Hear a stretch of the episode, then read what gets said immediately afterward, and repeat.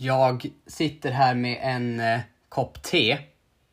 Earl Grey med eh, en massa honung i.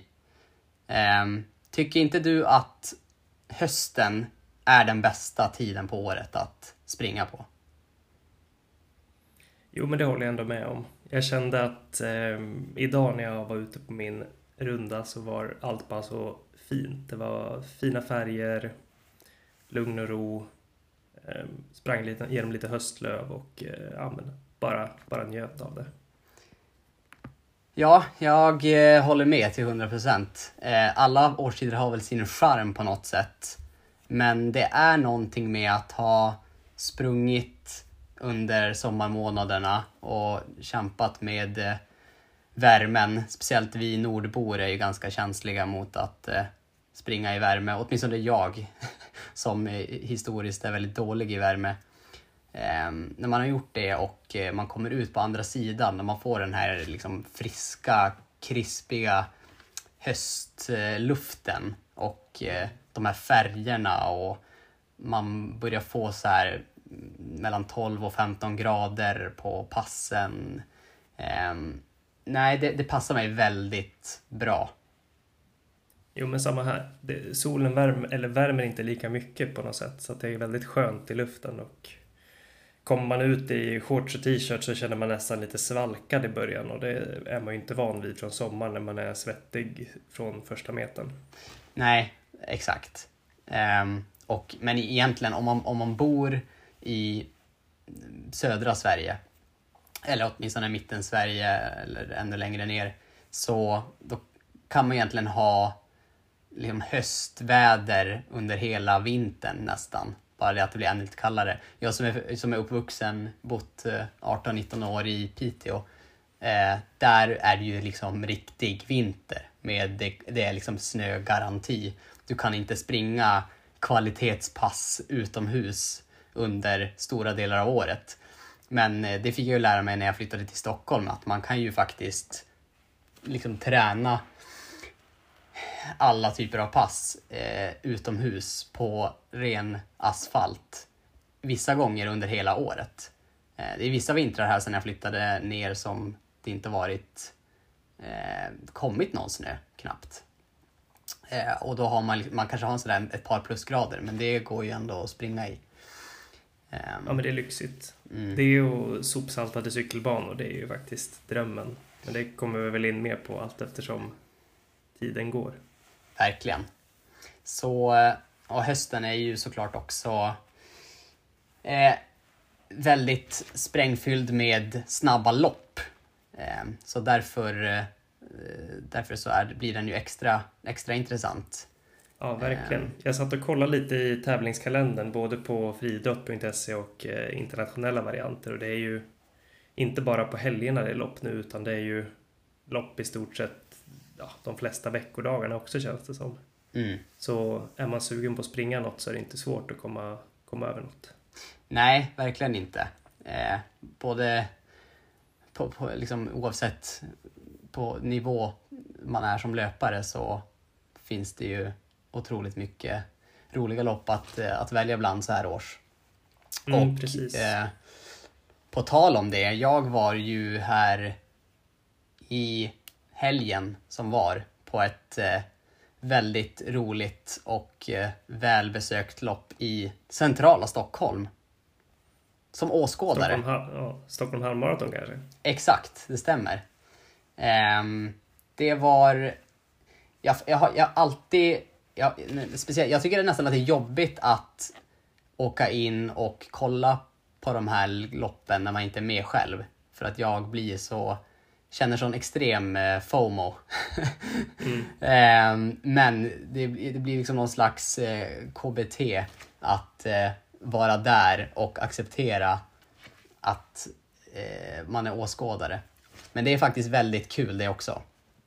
Ja, men jag tycker också det. Jag brukar ju tycka det är kul att ta med mig en kamera och fota lite löpare och bara mm. insupa stämningen på så sätt. Mm. Men verkligen. Det var ett, eh, om vi tar, tar det loppet eh, ja. lite grann. Det, det, såg det såg varmt ut. Jag såg eh, livestreamen i efterhand och eh, alla såg väldigt svettiga ut. Ja, det var, det var en väldigt varm dag. Det kändes mer som en eh, eh men sommardag. Typisk eh, so, so, Stockholms sommardag. Eh, mm. Det var väldigt varmt. Eh, där vid starten så ehm, så var det liksom, man märkte på löparna att eh, alla försökte hitta skugga eh, att värma upp i och eh, det var, eh, men det var väldigt varmt. Men en liksom fantastisk stämning. Det är otroligt härligt att bara befinna sig ehm, så i den eh, atmosfären eh, fast man inte springer själv. Det ger mycket energi. Ehm, nej, men jag var där som eh, och eh, hejade helt enkelt. Som jag skrev, skrev där på något eh, Instagram-inlägg att jag skulle skrika på alla kafferumslöpare. Um, men eh, det blev ett väldigt intressant lopp skulle jag säga, både på herr och damsidan. Framförallt på damsidan, om vi börjar där, så var det ju Hanna Lindholm som var den svenska kvinnan som kanske var favorittippad. Ehm, men det fanns då också en eh, ugandier eh, som eh, var anmäld som jag förstod det på andra ingen hade särskilt bra koll på. En ung tjej född 03 från Uganda. Ehm, och jag, efter att, jag, stod vid starten och där ja, det är ju som det alltid är vid starter i sådana här stora lopp. Liksom total rusning och går inte att säga, dra några slutsatser så tidigt. Eh, sen gick jag och ställde mig vid Stadshuset eh, på Kungsholmen och såg 10 km passeringen. Och där eh, kom Hanna Lindholm väldigt tätt i rygg på eh, Lovisa Kissa som hon eh, som hon hette, ugandiskan. Och mm. eh, de följdes åt. Sen efter henne så, så kom Mikael Alfredsson, Johanna Bäcklund eh, bland annat. Eh, som väl fightades om eh, tredje och fjärde platsen. Men det var ganska tydligt redan där att Hanna och eh, Lovisa var de som skulle göra upp om segern. Sen efter 10 eh, Eh, kilometerspasseringen där så vandrade jag tillbaka till start och målområdet och ställde mig så att jag fick en bra, eh, bra plats där inför slutspurten. Och eh, det blev väldigt rafflande. Eh, Tommy Åström, den eh, eh kände sportkommentatorn, var, var kommentator även på det här loppet och han, han byggde upp det väldigt bra med några kilometer kvar. De hade liksom koll på hur, hur Eh, striden eh, gick och eh, det var väldigt jämnt. Hanna försökte rycka någon gång sa han och då tog Lovisa i kapp på henne. Och sen så stack Lovisa men Hanna bet sig fast så han, han, byggde upp det väldigt bra fastän man inte såg någonting.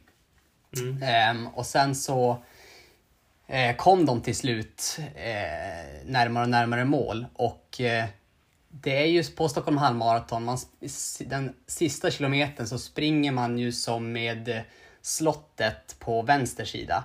Sen så viker man upp mot eh, riksdagshuset och då är det som en kort backe. Men det är ändå en backe där innan man svänger höger och eh, har upploppsrakan. Och eh, det var väldigt spännande. Lovisa hade några meter på Hanna men Hanna hade verkligen inte gett upp. Men någonting som jag tänkte på då och något som måste vara lite, eller kanske väldigt irriterande att tävla som elitkvinna, det är ju att man, om man är i en spurtstrid med någon så har man ju i regel en massa män runt omkring sig. Alltså mm, duk mm, duktiga eh, motionärsmän eller vad man ska kalla det. Kafferumsmän. Kafferumsmän, precis.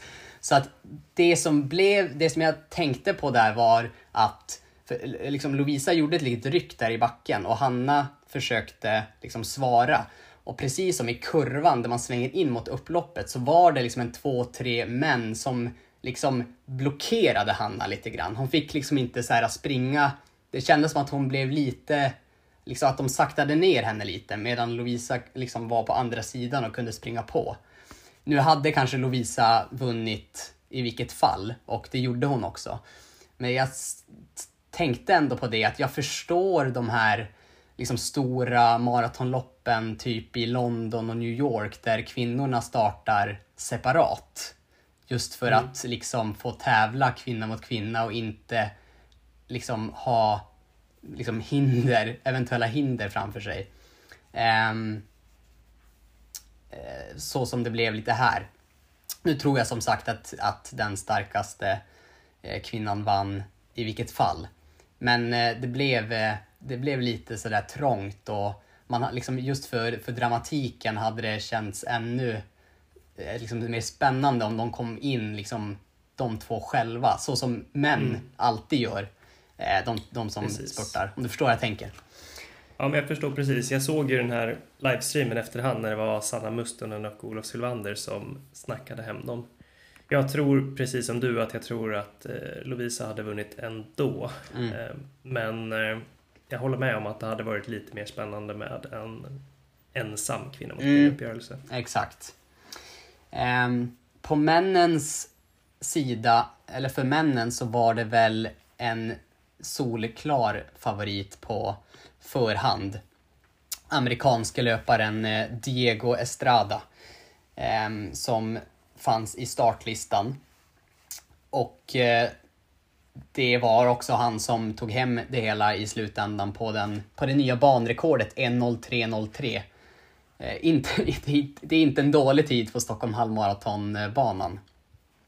Eh, nej, och inte en varm dag heller. Nej, precis. Eh, precis. Eh, men där, där var det faktiskt ändå, jag blev lite överraskad. Eller överraskad, jag stod ju som sagt vid Stadshuset och såg 10 km passeringen. Och eh, när, när, jag, när vi väntade in eh, Diego, som jag antog var i, i, i spets, så tänkte jag att han skulle redan ha liksom avgjort tävlingen redan där. Jag, jag såg fram, framför mig att han skulle komma själv. Men det gjorde han inte. Eh, Ebba Toro Chala som sedan blev tvåa i loppet, han var verkligen klistrad i ryggen på Diego och såg oerhört lätt ut eh, där mm. vid 10 kilometer. Eh, vilket såklart inte, alltså Ebba är ju en fantastisk löpare och har ju sprungit väldigt snabbt på, på alla distanser så det, det är väl ingen, och det var ju bara halvvägs i loppet. Men han såg så otroligt bra ut och låg så pass Eh, och så pass tätt i ryggen att jag tänkte att Diego kanske får sig en, eh, får sig en match här idag.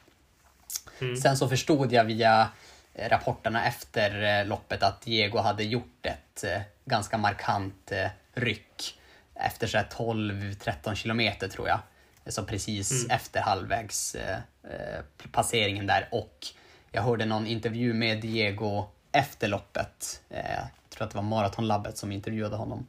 Där han sa att han eh, kände sig otroligt avslappnad genom hela loppet. Att det inte var en all out effort. Att han, mm. när han gjorde, när han satte in stöten så hade han bra med krafter och sen kunde han kontrollera det hela in i mål.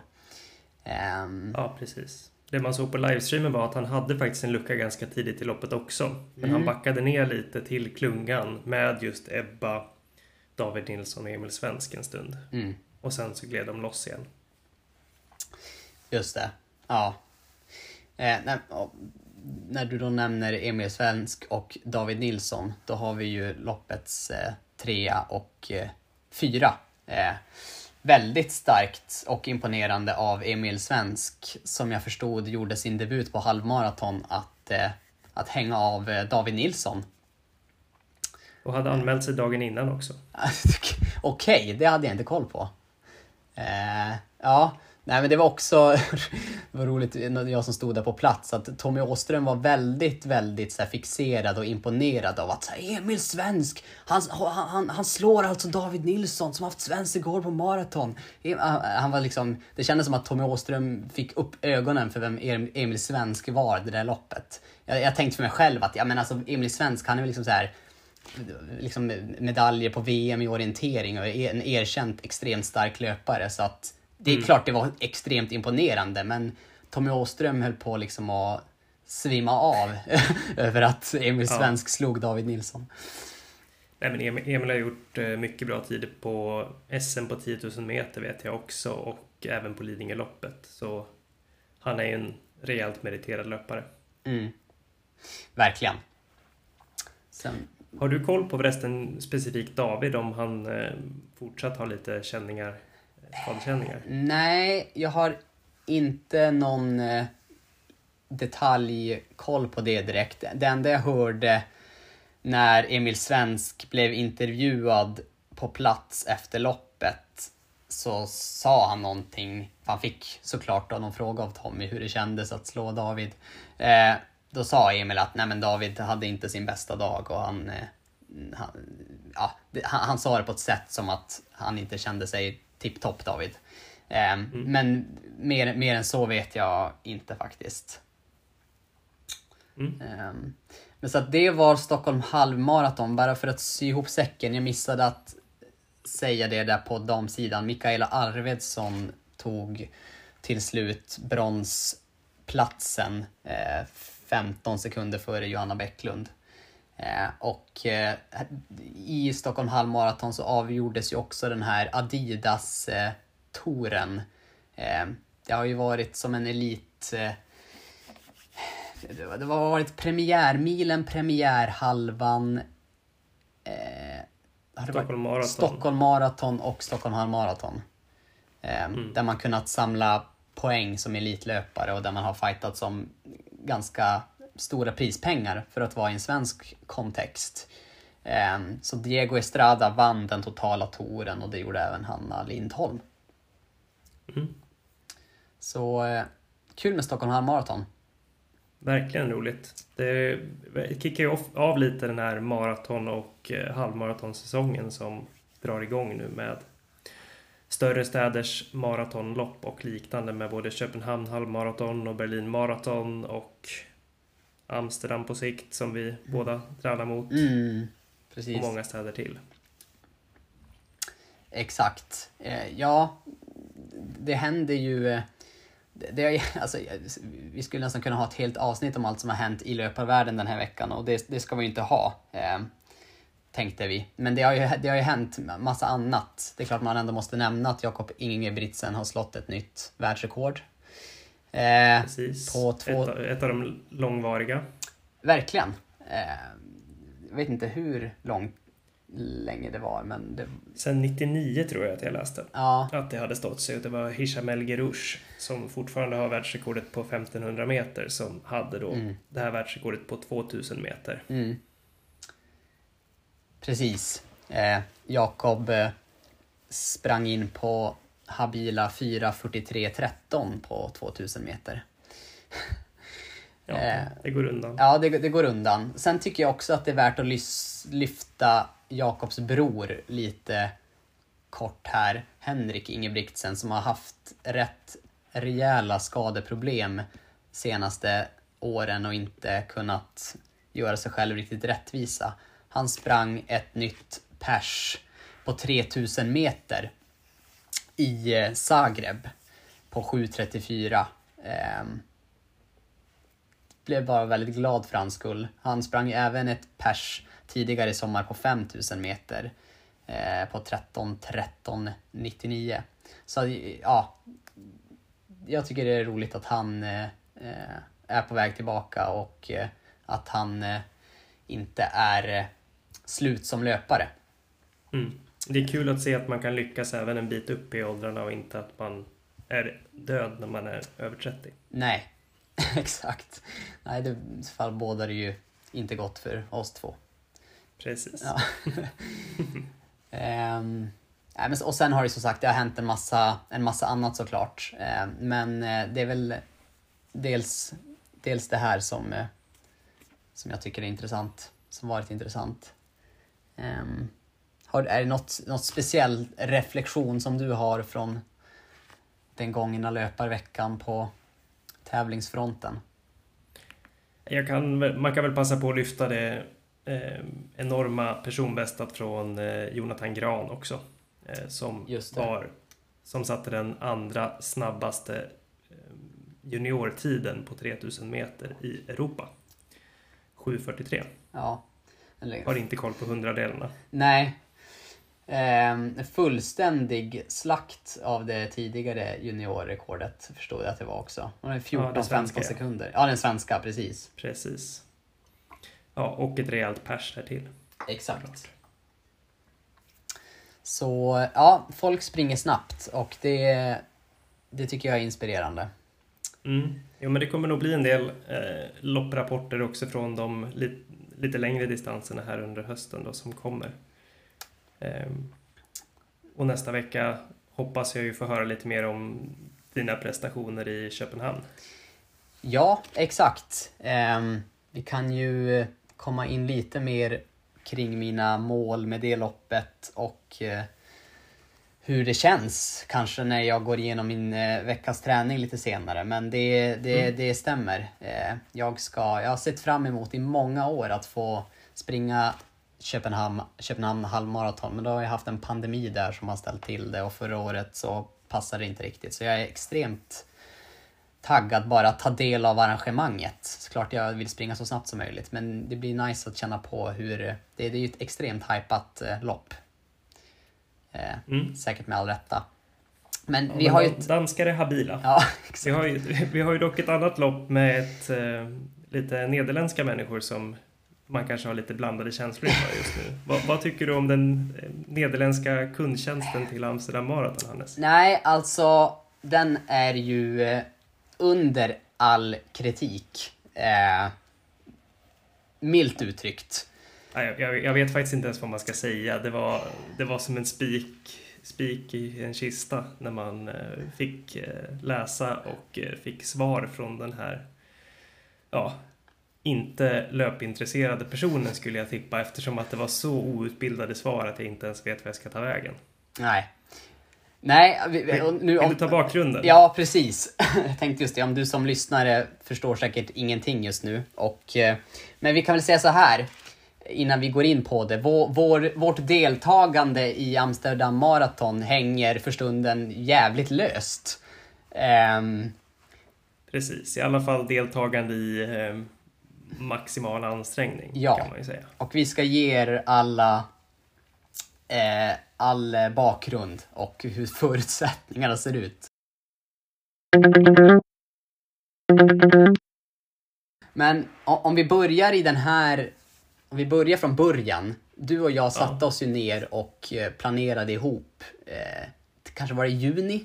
Vilken Ja, höstmara? juni känns bekant. Ja, vilken höstmara ska vi eh, satsa mot? Och vi hade ju lite så här tankar och idéer om att göra det till en podcast redan då. För att Mm. vi kände att det vore en kul, en kul grej.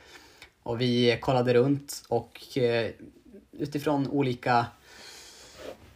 Eh, ja, men vi, Amsterdam Marathon passade bra i tiden och eh, bara passade logistiskt och eh, man måste ju bestämma. Det finns ju många bra maror där eh, här under hösten, men vi, vi satsade på Amsterdam. Då minns jag så tydligt att jag, när jag skulle registrera mig till loppet så log loggade jag in, surfade jag in på Amsterdam Marathons hemsida. Jag klickade på register. Eh, register kanske man säger. Eh, och det första jag möts av är sold out. Och då tänkte jag bara, fan, okej. Eh, det var inget bra. Men om jag scrollade ner lite på sidan så såg jag att man kunde fortfarande eh, anmäla sig men att man startade utanför arenan. För då har ju det, eh, Amsterdam det här fenomenalt korkade upplägget, och vi kommer förklara, förklara senare varför vi tycker det är korkat, att eh, man kan antingen starta eh, inne på den olympiska arenan, eller de har liksom ett begränsat antal startplatser inne Ja. på arenan. Och när De har 10, tu- 10 000 platser där inne. 10 000 platser, just det. Och när de tar slut så kan man fortfarande vara med, men då får man starta utanför arenan.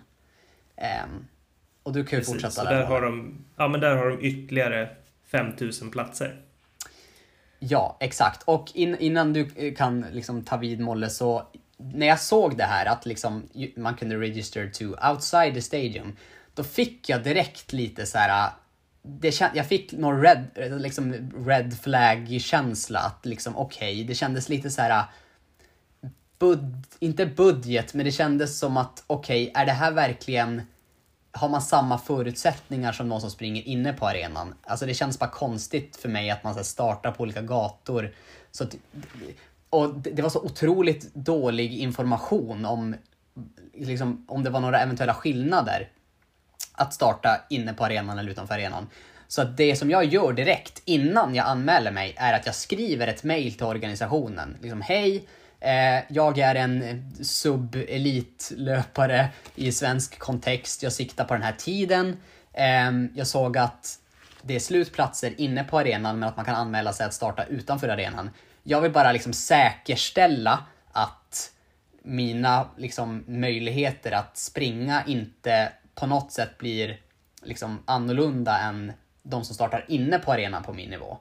Eh, och eh, liksom bara allmänt undrade hur, hur det fungerar, hur man liksom kommer ikapp. Alltså så här, för, man startar ändå på olika gator. Och då fick jag liksom svaret, hej, eh, nej, eh, du kommer att eh, ha exakt samma förutsättningar som dina medlöpare inne på arenan. Eh, ni kommer att sammanföras på en gata efter tre kilometer. Eller något sånt. Och eh, allt kommer fungera, lita på oss typ. Så då var okej, okay, om jag nu har liksom fått det här svaret från en medarbetare på Amsterdam Marathon så måste det ju betyda att jag har inget att oroa mig över. Och då anmälde jag mig. Ja, men det, det litar man ju på. Man litar ju ja. på auktoritet. Ja, men vem fan ska man lita på om man inte kan lita på den personen som svarar en från organisationen och säger att du kommer ha exakt samma förutsättningar som de som springer in, startar inne på arenan på din nivå. Så där var ju allt frid och fröjd. Jo men precis, jag tyckte till och med att det lät lite bättre för då slipper man ju trängas där inne på arenan. För jag minns när jag själv sprang Amsterdam Marathon att det tog ganska lång bit att ta sig fram till startlinjen för det var väldigt trångt på de här jag tror det är sex löparbanor i bredd där på den gamla Olympiastadion och sen ska man ta sig ut genom maratonporten och det blir en snäv 90 graders kurva eh, efter cirka 200 meter av loppet som man ska ta sig igenom. Så jag tänkte, ja men det här kanske underlättar för det så att det blir en bättre startupplevelse för oss och att vi sen slussas in på rätt ställe. Mm. Och ja, men dels att jag hade hört det svaret som du skrev till mig mm. som eh, Amsterdam Marathon har postat till, eller svarat dig. Mm. Och sedan så minns jag att jag även kollade in på sidan och eh, läste lite för att man vill ju ändå läsa på vad som står. Men det stod egentligen ingenting specifikt om, om den här starten utan det stod mest att mer info kommer att komma. Och då tänkte jag, men du har ju fått förhandsinformation om att man slår ihop banorna och att det är ingen skillnad. Då, då kör vi på det här. Mm. Och efter det så har vi ju ja, men bokat allting som man bokar inför lopp. Man bokar ju flygbiljetter, man bokar hotellrum, mm. eh, startplatsen och eh, planerar upp hela sin träning. Kanske mest det, det sistnämnda. För det är, man lägger ju verkligen sin själ i ett maratonlopp med tanke på att det är så pass långa ledtider fram i träningen. Ja, men exakt. Alltså som löpare med, som du och jag Molle, vi gillar ju att liksom eh, eh, man har sitt mål en, en eh, längre fram och man liksom anpassar allt och optimerar så att man på den dagen ska kunna prestera så bra som möjligt. Samt att det ju inte på något sätt är, nu är inte det det värsta, att man liksom lägger ut det med pengar, men det är ändå flyg och hotell och liksom så här, man investerar ju i den här upplevelsen både liksom ekonomiskt och eh, emotionellt. Absolut. Jo, men det, det är träningsbiten som är viktigast tycker ja, jag. Exakt. Själva ansträngningen man får lägga ner. Ja.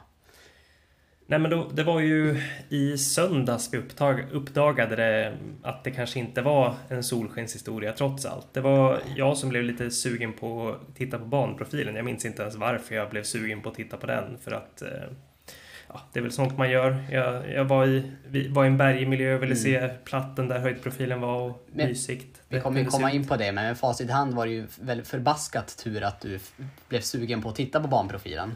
Ja, det, det var lite tur där. För när, jag kommer in där så läser jag har de ställt upp vilka starttider som gäller för loppet. Mm. Och då har de då gjort en tabell för de som startar inne på stadion och direkt bredvid så har de gjort en tabell för de som startar utanför. Mm. Och den här informationen har inte funnits tidigare, ska tilläggas. Precis, den, den är ny på hemsidan sedan. Jag vet inte när, men Nej, den är i alla fall ny sedan efter att vi anmälde Ja, oss. den fanns inte, inte när jag anmälde mig, för att jag letade runt på hela hemsidan om information där när jag anmälde mig, liksom förutsättningarna kring de, de olika startplatserna, man hittade ingenting. Så det, det var ju uppdaterad ny information. Precis. Men i alla fall så i Amsterdam så har de ju färgkodat eh, startgrupperna. Så de har en vit som är snabbast, som gul som är näst snabbast och så fortsätter i ja, regnbågens alla färger, höll jag på att säga. Eh, och då så stå, ser jag då i den här tabellen att den vita startgruppen som är den snabbaste, vilket är elitlöpare och löpare som vill springa under 2 timmar och 40 minuter på maraton har olika starttid inne på stadion samt utanför stadion. Och sen så ser jag då dessutom att den gula gruppen som är eh, ja, men som är löpare som springer runt tre timmar till tre och en halv timme ungefär, Mm. där någonstans, att de har en startar också innan den vita gruppen utanför stadion får starta. Ehm, och det rör sig om det kanske inte låter så mycket för de flesta som lyssnar på det här, men för oss så betyder det ganska mycket. För att den första starten går klockan 9.00 och vår start då som startar utanför den snabbaste gruppen skulle starta 9.02. Och det jag direkt då tänker är att ja, men då kommer det inte finnas någon chans att vi ska få springa med rätt löpare, för då kommer vi hamna bakom alla andra som vill springa omkring två och en halv timme. Mm. Vi kommer ju vara, två vara straffade med två minuter för vi får stå still på stället och vänta på, på vår tid att starta.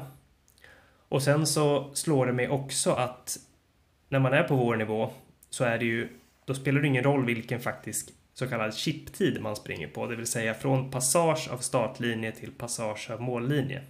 Utan den enda tiden som räknas, och vilket är den som följer med oss i våra, vår statistik och räknas som våra personbästan, är eh, gun time som den kallas, vilket är då tiden från det att startskottet går till att eh, vi passerar över mållinjen. Och där inser jag då att om vi startar två minuter efter att startskottet går så kommer vi få ett retroaktivt påslag Mm. på två minuter på våra tider. Vilket är Och- väldigt mycket tid. Precis. för oss åtminstone. Ja, när när man är i, på vår nivå så är det väldigt mycket tid. Mm. Och sen så tänker jag att jag tänkte också nu i efterhand när jag har lite eh, ja, perspektiv på det hela så tänker jag att det är inte ett så stort spann löpare som bryr sig om de här två minuterna. Nej. När jag själv sprang runt tre timmar eller kanske till och med runt 2.45 Mm. eh, så hade jag inte brytt mig så mycket om det här. För då Nej. visste jag inte riktigt om att man kan hamna på en statistiklista, att ens personbästa följer med på en nationell och en internationell profilsida. Nej. Ehm, och då, då hade jag varit nöjd ändå, för då har jag ju trots allt sprungit på den tiden från att jag passerar startlinjen till att jag passerar mållinjen så har jag sprungit ett maraton. Mm. Men nu när jag är i den här lite, ja vad ska man säga, Men så högre, ja subelit, eh, högre kafferumslöparnivån Mm. så, bli, så skulle det vara väldigt frustrerande för mig. Det är också, man, man lägger ju verkligen, i ett lopp så vill man ju verkligen ge allt. Mm. Och om man ska ge allt så vill man ju få alla förutsättningar att göra det så bra som möjligt. Man vill ju ha de bästa skorna, man vill ha de lättaste, bekvämaste kläderna, man vill inte få problem längs vägen, man Mm. optimerar energistrategi och lägger egentligen, man lägger ja, som i det här träningsblocket så lägger jag ju tio veckor av mitt liv på målinriktad träning mot en specifik dag. Mm. Och då känns det lite som ett slag i ansiktet att få två minuters tidstillägg utan att jag gjort något fel. Mm. Nej men precis, alltså för att eh, konkretisera ännu mer, om man bara tar en jämförelse. Jag blev liksom, det blir nu det blir lite väl extremt, men när jag sprang min, eh, ett halvmaratonlopp i Haag tidigare i år, då blev jag lite störd för att min, det tog två sekunder för mig att ta mig över mållinjen, alltså gun time. För att jag, jag, min, min gun time, alltså den officiella tiden blev 1.11.31, men eh, chiptiden blev 1.11.29. Så självklart är det ju 1.11.31 som är min tid. För att om man är en seriös liksom, löpare, då är det liksom, det är bara som en regel, kutym. Alltså det är det som står i officiella listor. Alltså det skulle vara jättefånigt. Jag skulle känna mig extremt fånig om jag... Låt säga att jag sprang på 2.29.30. Och så sen så står det i alla officiella listor, World Athletics, statistik, sven, friidrott, svensk friidrott, jag vet inte. I alla listor står det då 2.31.30 men jag går runt och säger 2.29.30. Då skulle jag ju känna mig som ett jättefån. Fast än Ja. det är sant att jag sprang på det, men det spelar ingen roll. Exakt, precis. Ja. Jag, jag har ju samma sak i Valencia. Där sprang ju jag ja, sju sekunder snabbare då än, än mitt eh, gällande pers på Mm. friidrottsstatistik och World Athletics. Mm. Ja, men eh, så fort jag läste det här egentligen så, så tog jag skärmdumpade jag det här och skickade till dig Mm. och eh, började i skrivande stund också komponera ett eh, mail till ja, den här då kära kundsupporten tillhörande Amsterdam Marathon. Eh, så jag, jag, jag började med att formulera mig väldigt snällt och trevligt eh, och skrev hur situationen var att jag och min kompis Hannes båda siktar på att springa det här spannet mellan 2.25 och 2.29 någonstans. Mm. Är svenska subelitlöpare och eh, ja, förklarade hur, hur jag tolkade deras eh, beskrivning av starttiderna. Mm. Och eh, ville fråga om det fanns eh, någon chans för oss att få, en, ja, att få en rättvis tävling mot andra atleter på samma nivå som oss själva genom att kanske bli förflyttade in på stadion då och få starta i den tidiga starten. Eller att de skulle kunna hitta någon annan lösning där jag egentligen öppnade dörren för dem att säga vad som helst som skulle ge, ja, skapa lite rättvisa och tydlighet kring situationen. Mm.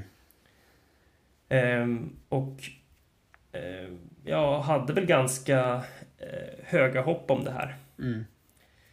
Ehm, men jag fick eh, då till svar att starten där vi startar kommer att eh, ja, slås ihop med den andra starten från Olympiastadion efter cirka 5 kilometer. Så det, ja, det var 3 kilometer när du skrev, nu har det blivit 5 kilometer. Ah, Jag vet inte. Och på, om man tittar på kartan de har på loppet så är det efter en kilometer. Så nå, någonstans. De vet inte riktigt själva vad det här är. Ja, fan det är så Mm. dåligt. Ja. Och det står att vi kommer att direkt att eh, slå sig... We will merge together with the correct start group. Skrev de. Och då tänkte jag att det är intressant. Jag undrar hur de ska lösa det. Ja. Nej, och sen så på min andra fråga då om vi kunde få starta tidigare så skriver de att nej, det är, det är inte möjligt att få starta tidigare eller starta med eliten. Nej. Det får bara de inbjudna atleterna göra. Ja, Ja. och då, då ställde jag då den intressanta följdfrågan. Hur ska det bli möjligt att komma, i- komma ikapp de korrekta löparna Mm. Om vi startar två minuter bakom dem? Ja. Och sen så frågar jag att... Eh, eh, jag, jag, jag frågade sedan om min chiptid då Mm. eh, skulle bli samma som min gun time. Eh, ja, om jag sprang på, på en given tid. För de kanske skulle göra så att de har två stycken gun times. En för starten inne på staden och en utanför. Jag Mm. vet inte. Men, Ja. men det, det hade varit en rättvis sätt att lösa det på. Ja. Eh, och då får jag det bevingade svaret. The course is designed so that you merge. You may trust our course team on this. Men, Punkt. Det, Men- bara det. men hur? Och sedan, och sedan så Ja. på, min, på min fråga om, vi, om ship time och gun time så Ja. svarar de This is indeed true. You will of course be listed correctly in the results. Ja, och, alltså, Och, jag, och då kä- kände jag att ja, men då kanske de ändå de, Ja. de kanske har, har någon lösning här. Men det här första om eh, trusting the course team, det, det vet jag inte om jag jag skulle vilja göra så. nej, vid det här laget hade, hade, redan vid det här laget hade jag no trust. Så att, Ja, jag med. Men Absolut. det är ju inte slut än. Ja, men så då fortsatte jag med mitt svar. I look forward to seeing how your course wizards have plotted it out. Bara för att, eh, ja, lite halvironiskt. Jag, hopp, jag vet inte om de fångade upp det själva, men eh, Nej, jag tyckte det var, det var, det var Ja. roligt. Ja, var det tvungen att driva lite med etablissemanget också. Ja. Ja. Och sen så ställer jag då en fråga som ska vara helt otvetydig den här gången. Ja. So you can 100% guarantee that my time reported to World Athletics will be based on the gun time 0902. Eh, ja, ship time lika med gun time. Mm. Och eh, då kommer, jag, kommer frågan. Dear Molle, sorry for the confusion. But your ship time is different from your gun time. As Ja. you can see in the result page from last year. Och då, då kände jag, där, där så var det slag i ansiktet upprepade gånger från holländsk kundtjänstmedarbetare på mig. mm, vi hade, Eh. jag, jag och Molle hade en, liksom en live-chatt under tiden han äh, mejlade och när vi fick det här eh, svaret så skrev du bara dödsstöten och skickade en Mm. screenshot. För det, det var liksom, det, alltså det, det som de gav till slut, det, det var den enda informationen som betydde Ja, någonting. precis. Det var det var enda vi fick ut. Ja. Och det, det tog ändå flera stycken mejl att få fram det här. Eh, och det enda jag kan ge den här kundtjänsten är att de i alla fall, när de väl började mejla med mig så svarade de väldigt fort. För Ja. det gick ju inom några minuter. Det är väl det mejl. enda credden de ska ha, att de var ganska Ja. snabba. Och det minns jag också när jag skrev eh, i juni och frågade, att de svarade ganska snabbt. Så det ska de väl ha lite cred för. Men det är det som gör mig mest förbannad i allt det här. Att liksom, allt hade ju kunnat undvikas och vi hade kunnat välja ett annat lopp. Om de hade svarat korrekt när jag ställde de här frågorna i juni. Och det gjorde mig så Precis. jävla irriterad att det säkert satt någon jävla nolla där och som inte kunde någonting och bara liksom eh, halvchansade lite. Liksom, här är någon utlänning som har någon fråga och liksom eh, det blir bra. För de vill ju att man ska anmäla sig också. Ja. Så jag tycker vi, vi tar och hänger ut nu Sharon på Le Champion Helpdesk i Holland att nej, de är inte så helpful. Det kan vi säga. Nej. Nej. Ehm, vill du höra vad jag, vad jag svarade när jag, när jag blev, blev less här? För då, då tröttnade jag ganska rejält. Ja, det vill jag gärna. Jag kan- Det, det vet jag faktiskt inte. Jag kan, jag kan, ja, jag kan eh, citera rakt av. Ja. Uh, congratulations on totally ruining the event for every sub-elite runner that you are forcing to start two minutes after the actual start, because gun time is all that counts for us. I find it outrageous that your race can even qualify to be certified by World Athletics. Ganska hårt. Men jag tyckte det var alltså, befogat. Alltså, ja, lite på rätt nivå. Ja, exakt. Alltså det var inte så, alltså du gjorde, det är ju ändå, det var inte så att du skrev liksom 20 utropstecken och liksom eh, könsord och, alltså du, du Nej, det var ju nej, ändå, men man, man försöker ändå uttrycka sig lite elegant sådär. Och sen så avslutade det hela med att skriva Could you please make an elite representative from the race contact me so, so we can see if we find a solution. mm, Eh, och även, or at least warn people so that they don't bother traveling to Amsterdam to have their hard work completely thrown out the window. mm. Ja, Mycket man, bra. ska ändå liksom, Men mycket bra. Och om de inte, borde varna folk. ja, och om inte annat så gjorde vi, alltså jag hoppas att de har något jävla så här möte efteråt, efter loppet och så här, där de tar in feedback och ser hur kan vi förbättra det här till, till nästa år. Att, att bara liksom andra inte behöver liksom, för att det är det som också gör mig så förvånad att liksom redan när jag ställde frågan i juni, alltså om man nu har det här extremt märkliga upplägget, då måste ju ha, det måste ju varit massor av löpare på vår nivå som redan har hamnat i de här situationerna, som kanske har startat och liksom inte förstått att de kommer få en två minuter långsammare tid om de startar utanför arenan. Alltså jag förstår inte hur de kan in, inte liksom tidigt i vår kontakt kan ha förstått vad vi vill ha svar på. För det, det kan ju inte, vi kan ju inte vara de första som liksom uppdagar det här och har frågor. Nej, jag, håller, jag håller med. Och det här är ju en... Det är en stor organisatör av lopp. Det är ju, Mm. den här, som jag har förstått det så organiserar de i stort sett alla holländska lopp. Det här Mm. Let Champion, det verkar vara någon, någon slags underfriidrottsförbund eller något liknande i Holland som, har, som äger i stort sett alla stora eh, nederländska lopp då. Mm. Och att de har de här märkena som man får när man är certifierad av internationella friidrottsförbundet och att man är ett vedertaget lopp dit de snabbaste löparna vill komma och att man säljer in sig själv på hemsidan med att man är ett av de här loppen som är eftertraktade. Mm. och sedan så beter man sig så här mot, eh, ja men de, ja, let's face it, både du och jag skulle om vi sprang under 2.30 vara topp 50 i deras lopp. Ja, exakt. Ja, och det är liksom en, alltså det är ju liksom en, eh, alltså det är ju en grupp av löpare då som man helt liksom, liksom glömt bort eller liksom inte, eh, alltså som man kommer tappa om man, om man har det här, mm. eh, om man har det här systemet. Eh, ja. Och man har ju liksom noll lust att, alltså jag vill ju liksom egentligen knappt alltså, liksom, åka dit nu. Jag känner mig så extremt less. Eh, mm. Men... Eh, hade jag kunnat få pengarna tillbaka för allting eller kunna stämma dem på hela min biljett och mm. slippa springa det där loppet så hade jag nog gjort det nu. Ja. Och hittat ett annat lopp eh, som faktiskt vill ha oss där och ja. är redo att liksom... Ja, man, man, man vill ju vi har ju kämpat hårt för att få vara där vi är, så då mm. kan man i alla fall bli lite tillmötesgådd sådär. För jag misstänker att de, eh, de inhemska löparna som kommer springa sitt nationella mästerskap mm. eh, på plats, mm. de kommer ju säkert att eh, premieras och flyttas upp på ja, ja. rätt ställe. Det är jag helt övertygad om. Jag tror ju inte att de kommer kanske ta halva elitfältet och stoppa dem utanför för att det blev fullt på stadion. Nej. Det, det känns inte troligt. Nej, alltså jag, jag förstår inte. Alltså, och jag, jag hade väl så här, när man, först och främst så tycker jag bara att det är en kom, alltså, komplicerad, alltså att det bara är en, alltså ett dåligt upplägg generellt.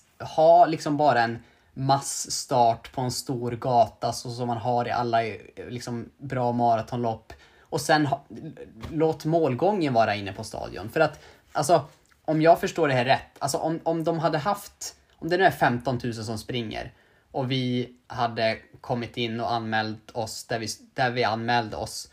Och hade det varit vilket annat lopp som helst, lopp som helst, då hade vi väl liksom bara sidats in exakt där vi ska vara med våra meriter.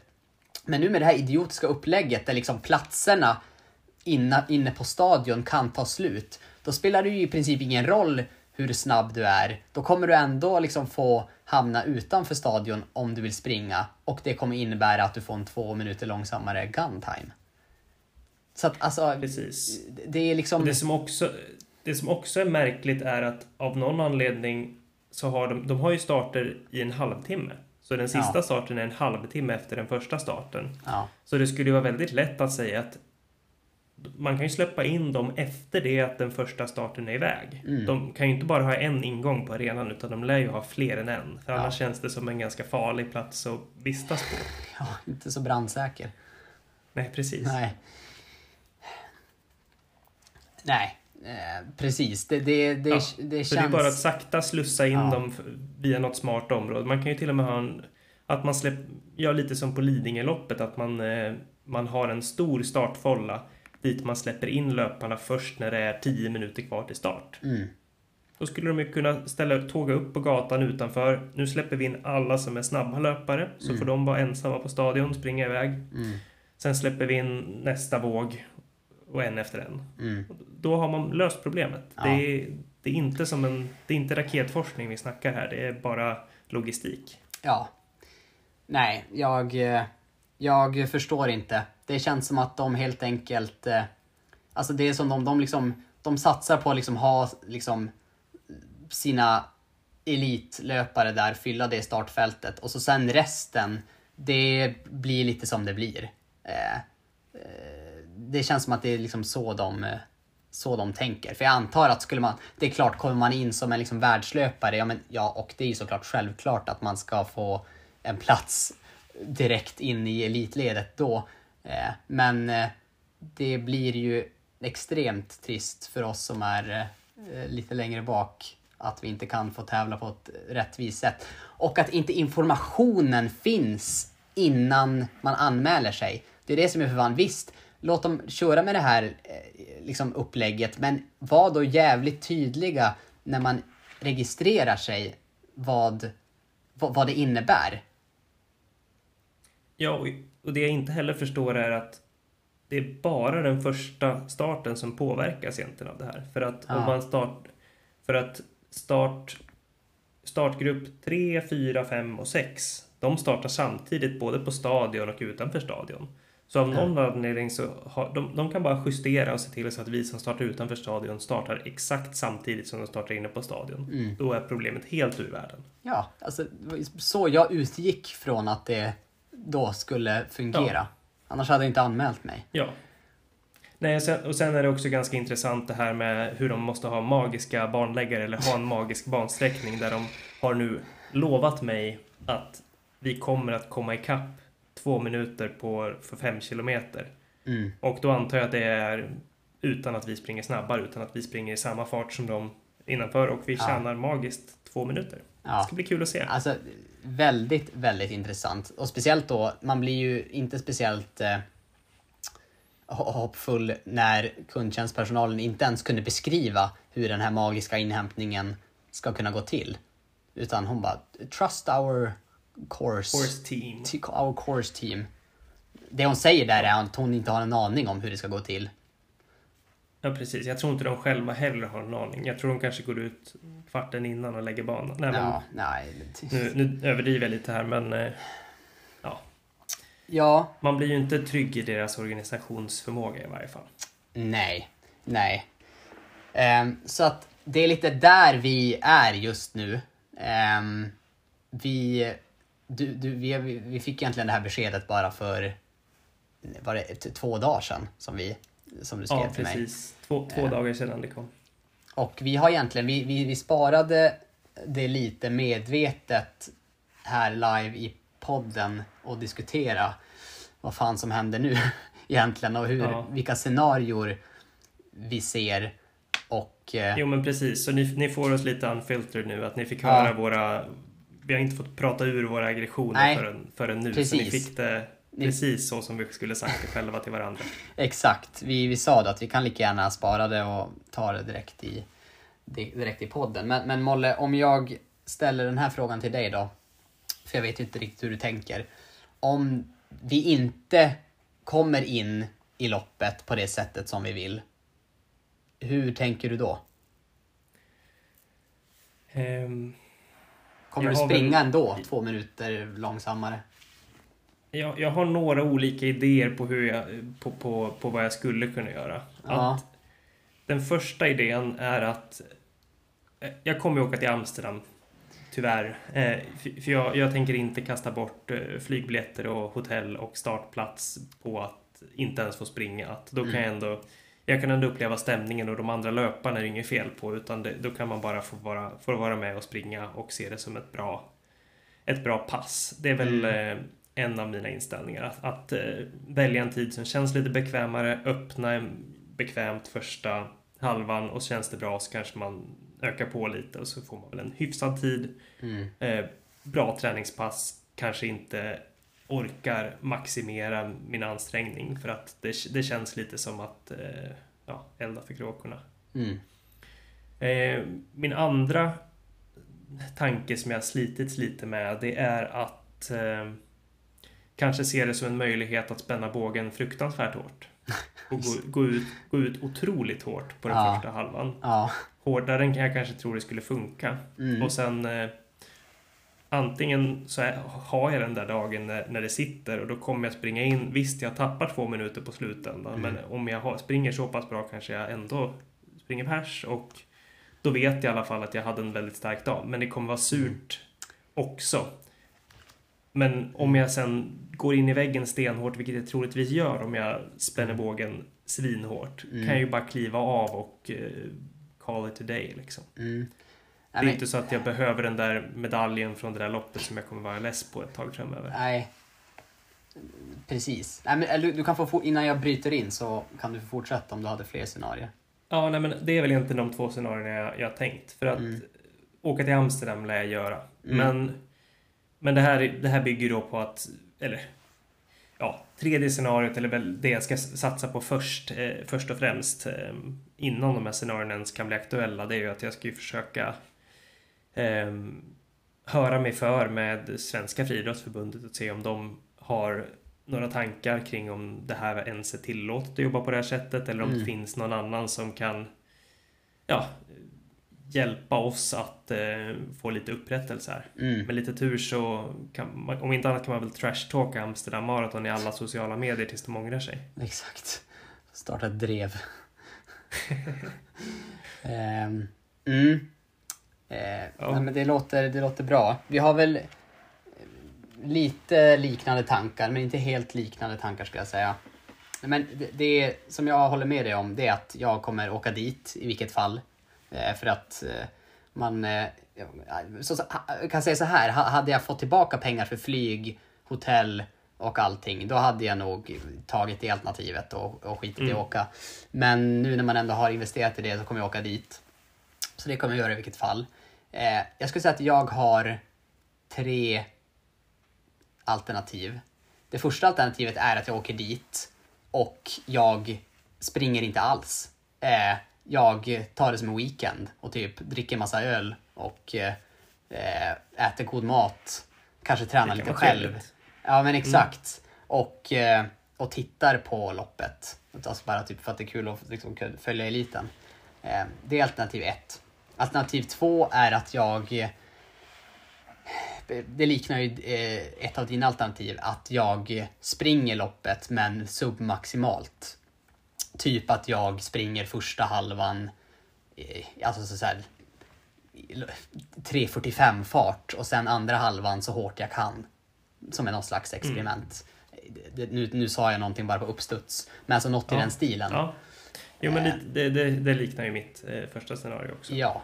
Eh, för att, för, för, men, men jag vill inte springa det på ett sånt sätt att jag kan komma nära mitt pers. För jag vill att det ska vara tydligt att jag har sprungit det som ett liksom pass. För, för då kommer jag in på, jag kommer inte göra så som det som du hade som ett alternativ, att liksom spänna bågen extremt hårt och så sen så se vad som händer. Har man en fantastisk dag så springer man helt enormt bra. För skulle det hända och att man verkligen springer sitt livslopp och så gör man det i det här loppet där man har blivit behandlad så här och fått två minuter kapad. Det skulle jag inte kunna klara av mentalt typ. Så jag vill, jag vill liksom inte utsätta mig för risken att springa mitt livslopp där om den officiella tiden kommer vara två minuter långsammare. Så att jag kommer, jag kommer om, om vi inte får starta där med första startgruppen så kommer jag inte försöka springa så snabbt som möjligt. Eh, det kan jag säga. Ehm, så det är egentligen de tre alternativen som jag har. Eh, det lutar väl i dagsläget åt att jag tar det som ett pass. På Mm. något sätt. Ehm, Ja. Bara för att liksom ändå springa och få uppleva liksom stämningen och kanske, kanske ge liksom, jag vet inte, att man ändå får ut någonting av sin anmälan. Ja, men precis. Ehm, jag kom att tänka på det nu, det har vi inte heller pratat om. Vi har ju en eh, till kompis som ska springa Henrik Platander. Mm, Vet du om han ska starta inne på stadion? Jag tror det faktiskt. Okej. Eh, jag, eller jag är inte helt säker. Henrik, om du hör vi, det vi här kan, kan, vi du kan ju skriva. varna. Ja, vi kan ju varna honom. Ja, jag precis, precis varnat. Nej, men jag, har för mig att han anmälde sig innan mig och att när vi pratade och jag berättade om det här med att vi ska eh, starta utanför stadion så, så kände han inte eh, kände han inte igen det. Så Mm, jag tror mm. att han hann den liksom med den ordinarie anmälan. Ja, tur för honom. Ja, exakt. Så eh, det är lite trist. Eh, men eh, Ja. det, man har ju lärt sig en läxa om inte annat. ja, åk inte till Amsterdam. Nej, pre- precis. Eller, eller gör andra saker när Ja, är Amsterdam. ja, exakt. Som är roligare. Ja, vi ska inte liksom eh, vi ska inte liksom cancella Amsterdam som stad, för det vet jag ingenting om. Nej. Men eh, organisationen har ju eh, en väldigt, väldigt uppförsbacke nu om de ska kunna vinna tillbaka oss. Ja, de, de, de, det finns några saker de kan göra för att man skulle kunna bli glad igen och det är väl allt från att betala tillbaka anmälningsavgifter och flygbiljetter och allting, men det kommer de ju aldrig göra. Nej. Till att eh, flytta, flytta oss till stadion eller ja, se till att eh, vi får starta samtidigt som de andra utanför. Jag kan förlåta dem om de låter oss äta och dricka gratis hela helgen Ja, men- i Ja, men Amsterdam. den, den, kan jag, den kan jag också gå med på. Kupong, eller Ja, ett men- obegränsat kreditkort. det. Exakt. Då, eh, då kan jag tänka Man mig att ska- tillbaka. Man kanske ska köra en hel kväll och sen gå raka vägen till tävlingen. Ja, men eh, precis. Vi kan göra det som någon Typ slags... Gå ut i split shorts och sen, eh, och sen bara eh, vingla in där. Men exakt, så här stinkesprit och liksom... inte vet jag, ätit så här, såna här magiska kakor som finns i Amsterdam och eh, liksom, be, liksom så här, bete sig helt förjävligt bara för att hämnas på organisationen. Förvisso så straffar man ju då massa oskyldiga löpare som inte har gjort någonting som är Ja. där för att eh, prestera. Eh, vi, vi, jag, jag känner vi får klura lite grann på Jag tror vi kan, vi kan avsluta det med att säga fortsättning följer.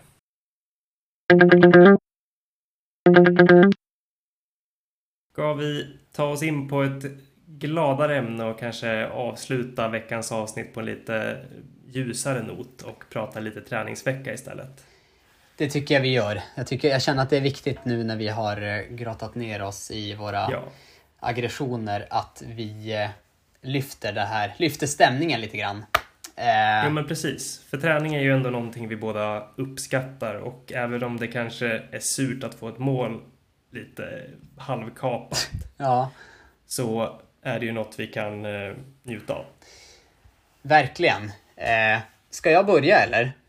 Ja, men kör. Ja, för eh, jag har faktiskt haft en riktigt bra träningsvecka. Eh, Den bästa veckan på ganska länge. Så att det är ju någonting som är positivt sen sist.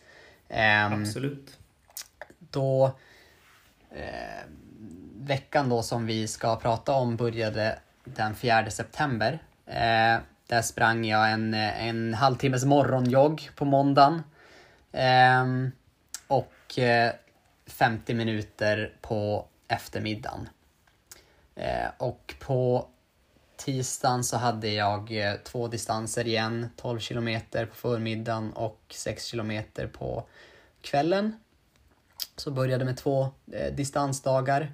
Jag hade haft ett ganska hårt långpass på söndagen eh, innan så att eh, det var välbehövligt med två, två lugna dagar. Men ändå med rätt, rätt bra mängd. Eh, sen på onsdagen så var det dags för, för pass igen. Eh, jag hade 15 gånger 1000 meter med en minuts ståvila. Och målfarten var att springa dem på 3.25. Eh, planen var att jogga till eh, Källbrinks här i Huddinge och köra dem på bana. Men när jag kom dit så var det två gubbar som höll på att ställa ut häckar på precis varenda liksom, bana. Eh, och eh, det såg ut som att de skulle dra igång någon slags träning med en massa barn. Så jag tänkte att det här utsätter jag mig inte för. Eh, så att då blev det min plan B istället och jag sprang på Brandvägen. Eh, passet gick bra. Eh, om man springer tusingar på Brandvägen så har man liksom lätt motlut en, åt ena hållet och ett lätt medlut åt eh, andra hållet. Eh, så att eh, varannan tusing eh, blev lite tuffare, varannan tusning blev lite lättare. Och det skilde väl också en 4-5 sekunder eh, per tusing om det var upp eller ner. Eh, Mm. Men eh, det kändes bra. Eh, jag tog en gel efter eh, fem tusingar bara för att eh, liksom fortsätta vänja kroppen vid att ta in energi Ja. under tiden man arbetar. Och om man räknar in uppjoggen så hade jag sprungit nästan en mil därefter fem tusingar.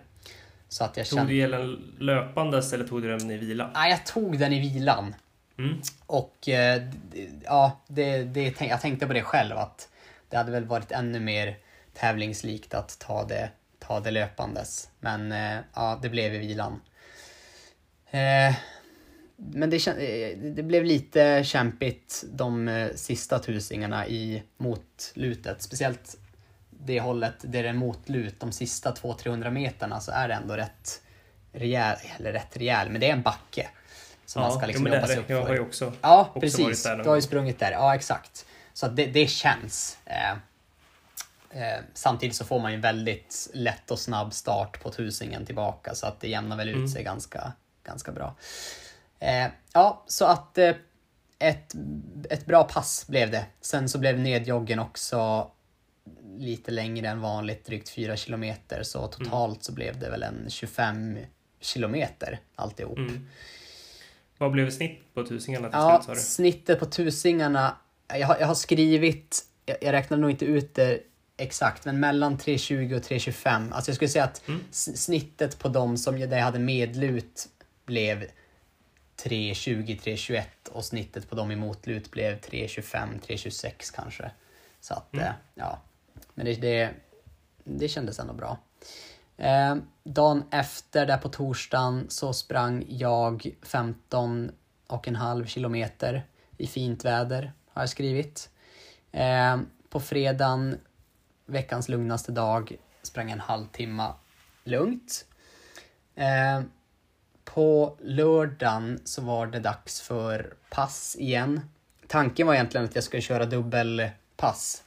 Eh, backe på morgonen och eh, en annan tröskel på eh, kvällen. Men eh, logis, livs, logistiken gick inte riktigt ihop och jag valde att köra ett singelpass istället. Hade det varit jag för några år sedan då jag liksom forcerade in allt som stod på, på, på programmet till vilket pris som helst, då hade jag säkert kört dubbel. Men jag valde att liksom fokusera all energi på, på ett pass och inte liksom eh, springa supersent andra passet och liksom inte få bra återhämtning och så. Ehm, så Mm. så det, det tror jag ändå var ett bra beslut. Eh, men då sprang jag eh, tre kilometer uppjogg. Eh, sen direkt in i 20 minuter i 3.28. Eh, tanken var väl 3.30, så det blev lite snabbare. Ehm, och efter det så vilade jag i två och en halv minut för att sen köra två gånger 10 gånger 200 meter backe med tre minuters sättvila. Ehm, så att, eh, ja men ett bra pass där man får liksom börja springa i, i någon slags eh, marafart lite snabbare och så sen eh, backe. Blev Ja. riktigt trött under andra sättet där i backen. Alltså backe är verkligen bra att springa men, Ja, men det- är väldigt hårt. det är Hur otroligt brant hårt. ungefär tror du backen var? Alltså, jag tänkte det själv, jag, jag, för jag sprang i den backen som, eh, som jag även springer in, som jag även sprang i på Tusingarna ehm, på Brandvägen. Det var, det var där jag körde. Jag är så jäkla dålig på liksom lutning och Kan du likna bedöma. med någon backe som man kan relatera Ja, till? men alltså, jag skulle väl säga typ... Alltså, alltså för, för det är så här, alltså jag, jag sprang ju 200 meter backe. Jag skulle säga att de första liksom 100 meterna så är det liksom, det är uppåt, men det är liksom mer en slakmota. Lite Mm. liksom lättare, men ändå backe. Sen de sista 100 meterna, då är det alltså en backe, då är det upp. Är det Ja, men- Västerbron-varning? Ja men, lite, ja, men lite så. Alltså om man tänker Västerbron så som man tar sig an den på Stockholm Marathon från liksom det hållet, från Södermalmhållet. Eh, liksom i mitten av backen. Alltså om man slår ut hur ansträngningen blir på backen där i Brandvägen så skulle jag säga att den, den är ganska, att det blir ganska likt. Något sånt. Mm. Mm. Ehm, så. Men jag tog mig igenom det och eh, tanken var ju liksom när man springer i backe så kommer ju pulsen sticka iväg väldigt mycket och nu mäter inte jag laktat Ja. men det var nog rätt högt. Ehm, Nej men precis. Det, det, där, det där kallar ju Maurius backen för the X-factor. ja, Lite så här flashigt. Men det, här, det, det där lilla kryddan som ska ge din laktatträning lite extra resultat. ja, exakt. Ehm, och joggade hem sen igen. Så det blev totalt 17,4 kilometer upp joggen och, och passet som liksom blev i ett där och sen 4 kilometer nedjogg så det blev en, eh, en halvmara ungefär i distans. Ehm, för att sen på söndagen få till ett riktigt, ja, årets längsta långpass. eh, innan det här passet så var långpasset med dig årets längsta. Men nu så kom jag upp i 35 kilometer eh, i lugnt tempo. Eller ja, 4.37 per kilometer blev snittet. Jag tänkte väl ligga någonstans 4.45, 4.50 men, ja, men det kändes bra och det var liksom en jättefin höstdag och jag sprang från Huddinge till Södermalm och tillbaka i princip. Och kände mm. mig väl bara allmänt inspirerad så det, det gick lite, eh, lite fortare men eh, har inte känt att det har skadat på något sätt. Eh, så det, det, det, tror jag ändå var OK. Mm. Eh, så ja, mycket bra vecka och landade in på 137 kilometer. Eh, så knappa 14 mil. Tror faktiskt att det är mängdrekord för året. Eh, faktiskt. Det, lät, det var spännande. Jag, jag tänkte att du körde ganska mycket ja. tidigt i år. Men Nej, okej. Okay. Jag, jag ljuger. Jag, jag har haft en... jag, jag ljuger. Jag, i, februari, jag är inne här nu på Strava, så hade jag en veck, eh, två veckor på över 14 mil. Så att det var lögn. Mm. Eh, men sett till tidigare år så har jag rent eh, generellt sprungit liksom mindre i år. Mestadels för att jag har haft fokus på bana hela tiden och det funkade väldigt bra förra året att ligga så kring 10-12 mil. Jag fick bra resultat på det. Tror väl att jag framöver ja. kommer börja gå upp och springa mer igen. För det tror jag att jag klarar av och så. Men eh, och speciellt om jag, jag ska ha mer maratonfokus. Ja. Ja, men jag tror det finns en vits också i att eh, hålla kvar lite och vänta lite med mängden. För att så mm. länge du utvecklas runt 10 mil Precis.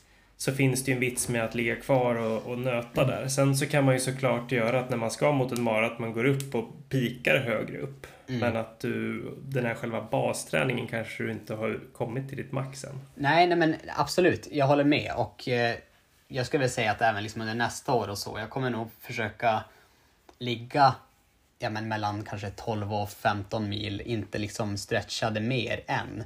Sen på sikt såklart, om jag vill verkligen utforska hur bra jag kan bli, eh, så tror jag absolut det kan finnas eh, fördelar att komma upp på mellan så 16 och 19 och liksom ligga stadigt där. Men jag, jag har liksom inte bråttom att pusha det dit. För jag, som du sa, precis som du sa, jag känner att jag utvecklas fortfarande på de här relativt låga volymen. Alltid relativt såklart. Men...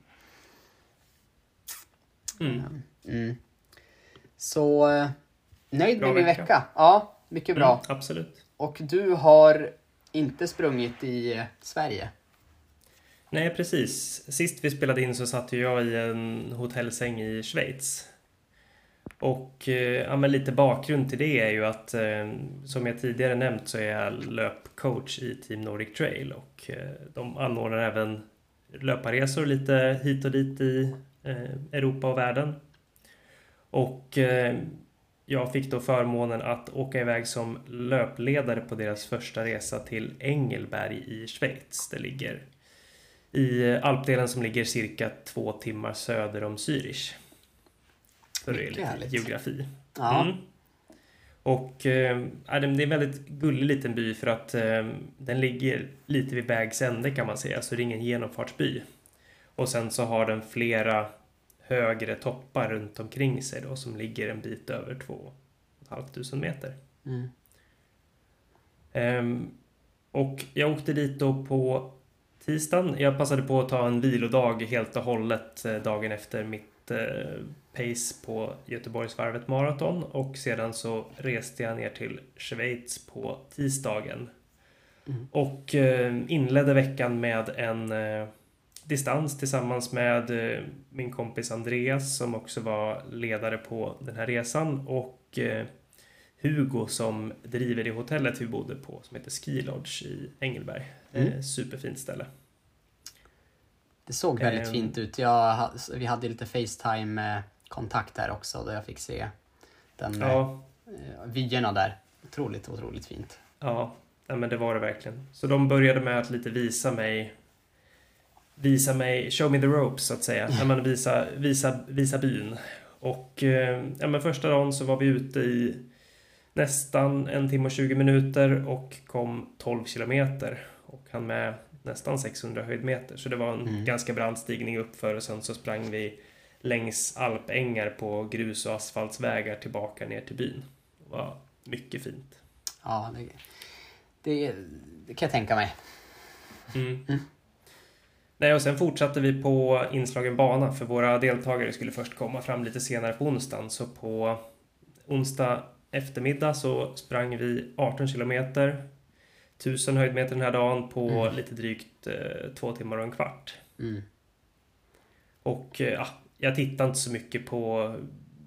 Ja, man, man är ute ett slag så får man se mm. vad det blir. Eh, jag tänker inte så mycket när jag är i Alperna utan jag visste att det skulle bli en sån vecka. Mm. Och försöker njuta så mycket jag kan av naturen.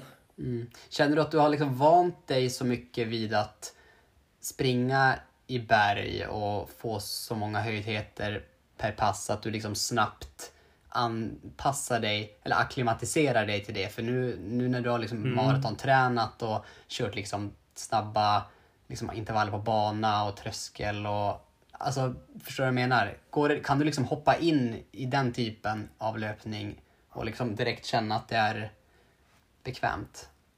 Den här gången så gick det ganska bra för det var ju faktiskt bara en dryg månad sedan jag sprang fjällmaraton. Mm. Och eh, då kände jag, jag var rädd att jag skulle ha tappat mina, ja men, citat, bergsben. Eh, som, eh, som man ändå får när man springer mycket kontinuerlig backe. Mm. Men jag tyckte ändå det kändes ganska bra att ta sig dit. Så snarare att jag är lite orolig nu när man är tillbaka i Sverige för att känna hur det känns att man inte är för sliten i benen. För jag minns direkt efter fjällmaran att jag hade ganska sega veckor där tills jag började svara på plattlöpning igen. Ja. Så ja, men det får jag se lite hur det blir, tänker jag. Men det mm. kommer jag rapportera allt eftersom veckorna går här i podden. Mm. Nej, och sen på onsdagen blir, nej torsdagen blir det, så ehm, hade vår grupp kommit som vi ska coacha och det är ju alla nivåer på löpare så det blir ju mer mycket upplevelse och ehm, ingen chans att ta ut det till max. Men jag personligen ser det som väldigt bra mycket tid på fötterna. Så den här dagen så sprang vi en längre tur där vi sprang riktigt brant uppförsbacke. Vi hade ett segment där det var en knapp kilometer och vi gjorde eh, hur många höjdmeter gjorde vi nu? 900 höjdmeter. Det var en 30% i lutning. Nej, inte 900. Det blir fruktansvärt mycket. 300 menar ja, jag. Ja. 30 procent lutning. ja. ja. Det är likväl rejält, rejält brant. 30 Ja, ja. Det är det samtidigt. Eller det är det mm. ändå. Ja. ja. Det får skidbackar att kännas eh, ganska rimliga. Ja, jag vet inte ens. Ja, det skulle vara intressant ja. att... Eh, tänk att första gången som jag provar på något sånt så då får du vara min coach. Mm, absolut. Vägledare. Det lovar jag. Se att jag överlever. Ja, men... Eh, mm. Ja, men den, den dagen så fick vi till ja, 22 kilometer och vi var ute i, eller vi rörde oss 3 timmar och 40 minuter. Och så hade vi såklart lunchpaus och lite andra så här, allmänna pauser längs vägen. Mm. Men det blir ju mycket både varva promenad med löpning och eh, ta lite pauser här och var. Exakt, men, men samtidigt, alltså man, kroppen är ju igång och liksom man, man får ju ändå liksom träningseffekt för, för hela, hela kalaset. Ja, precis. Ehm, ja, men nästa dag så var det lite mer en återhämtningsdag för att vi hade en tuff dag inplanerad på lördagen. Så på fredagen så blev det lite längre, det blev 24 kilometer men det tog bara 3,5 timme så det var lite flackare runda och lite mer öppet landskap. Där man eh, började med en, ja, inte lika brant klättring som första dagen men likväl en klättring på cirka 1000 höjdmeter och sen sprang man en lång flack utförslöpa tillbaka till eh, byn längs en bergssida. Väldigt härligt. Gick ingen nöd på mig. Nej. Nej, och sen så kom väl det lite, ja, det sjukaste löpardagen ska jag på Strava. Men det var för att det var så, ja, vi visste att det skulle bli en lång dag. För vi skulle springa en point-to-point-bana. Så vi skulle börja i Engelberg och springa till staden Stans som ligger ja, runt dryga tre mil från Engelberg. Så vi fick ihop 32 kilometer för dagen och vi var ute från start till mål närmare 10 timmar. Jag tror det var 9 timmar och 40 minuter vi var, vi var ute och rörde på oss. Jävlar. Ehm, men eh, själva löptiden då, eller man ska säga, var 6,5 timme. Ja, okej. Så låter det som så här, träningen för 24 timmar eller någonting. Ja, det låter lite så.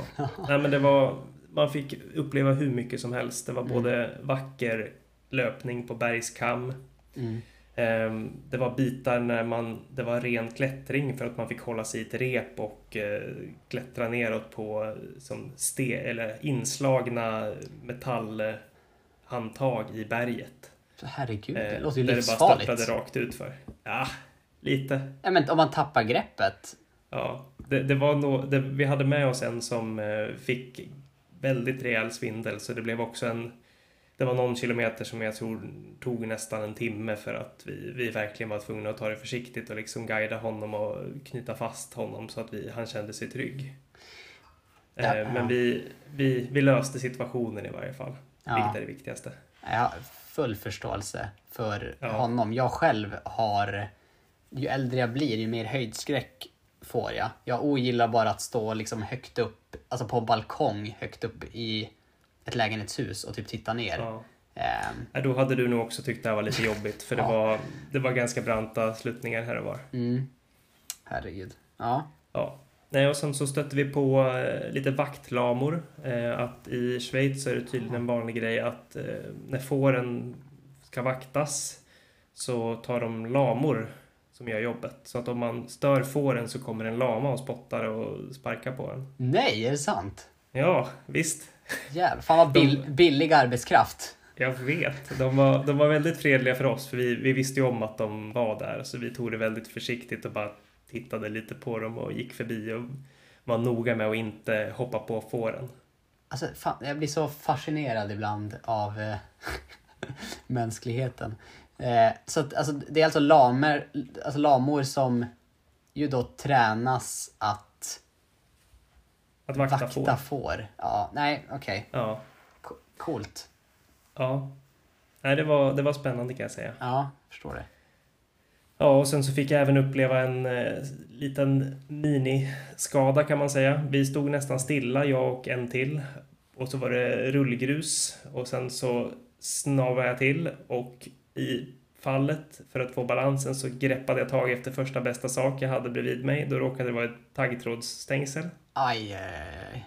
Så jag rispade upp eh, lite lätt i handflatan. Men eh, lyckades, lyckades slippa ramla på rumpan i alla fall. Okej, ja, det, alltså det kan ju nog göra, eller det gjorde säkert fruktansvärt ont men jag tänkte att du skulle säga att du sträckte dig och att du, började, att du hade någon känning eller någonting. Så då, Ja, nej, Kanske man så hellre- illa var det inte. nej. Eh, aj, okej. Har du liksom kvar några R? Ja, nu, eller? jo men det, det är lite... Ja, där. Och jävlar. Molle visar upp här i kameran. Han har ett rött streck som sträcker sig över hela handflatan. Det såg ju jätte... Ah! Ja, det var inte så djupt i varje fall, så det, Det, det, såg... är ganska ja, lugnt. Okej, det såg djupt ut. Ah, ja. Ah, det, det, var inte det var inte så illa som det ser ut. Nej, okej. Okej, bra. Mm. Ingen amputation. Nej, jag tror jag, jag tror jag överlever en vecka till Ja. i varje fall. Bra. Nej, och sen den här vansinnesdagen då fick avslutas med att de sista sju kilometrarna så sprang vi 1400 meter utför. Så 1400 meter utför. Ja, höjdmeter då. Ah, jag, Så att en snittlutning på 20% utför i 7 kilometer. Åh, herrejävlar. Alltså, ja, jag, jag, jag, jag trodde först du menade liksom 1,4 kilometer utför. Så jag var liksom, ja, okej, det är väl inte så mycket. Men okej, det- 14, eh, 1400 höjdmeter På 7 på kilometer. 7 kilometer. Ja, ja, men det är ju en eh, nedförsbacke.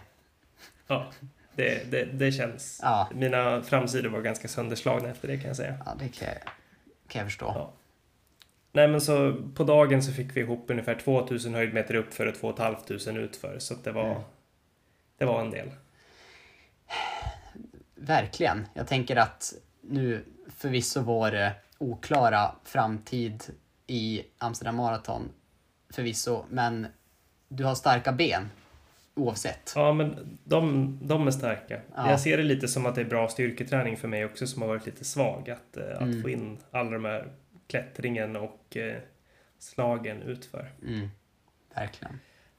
Nej, men så, som ni förstår så var jag ju också ganska trött efter den där, den där långa dagen. Så sista dagen innan vi begav oss tillbaka till Sverige så blev det riktigt kort dag. Eh, 17 kilometer, två och en halv timme.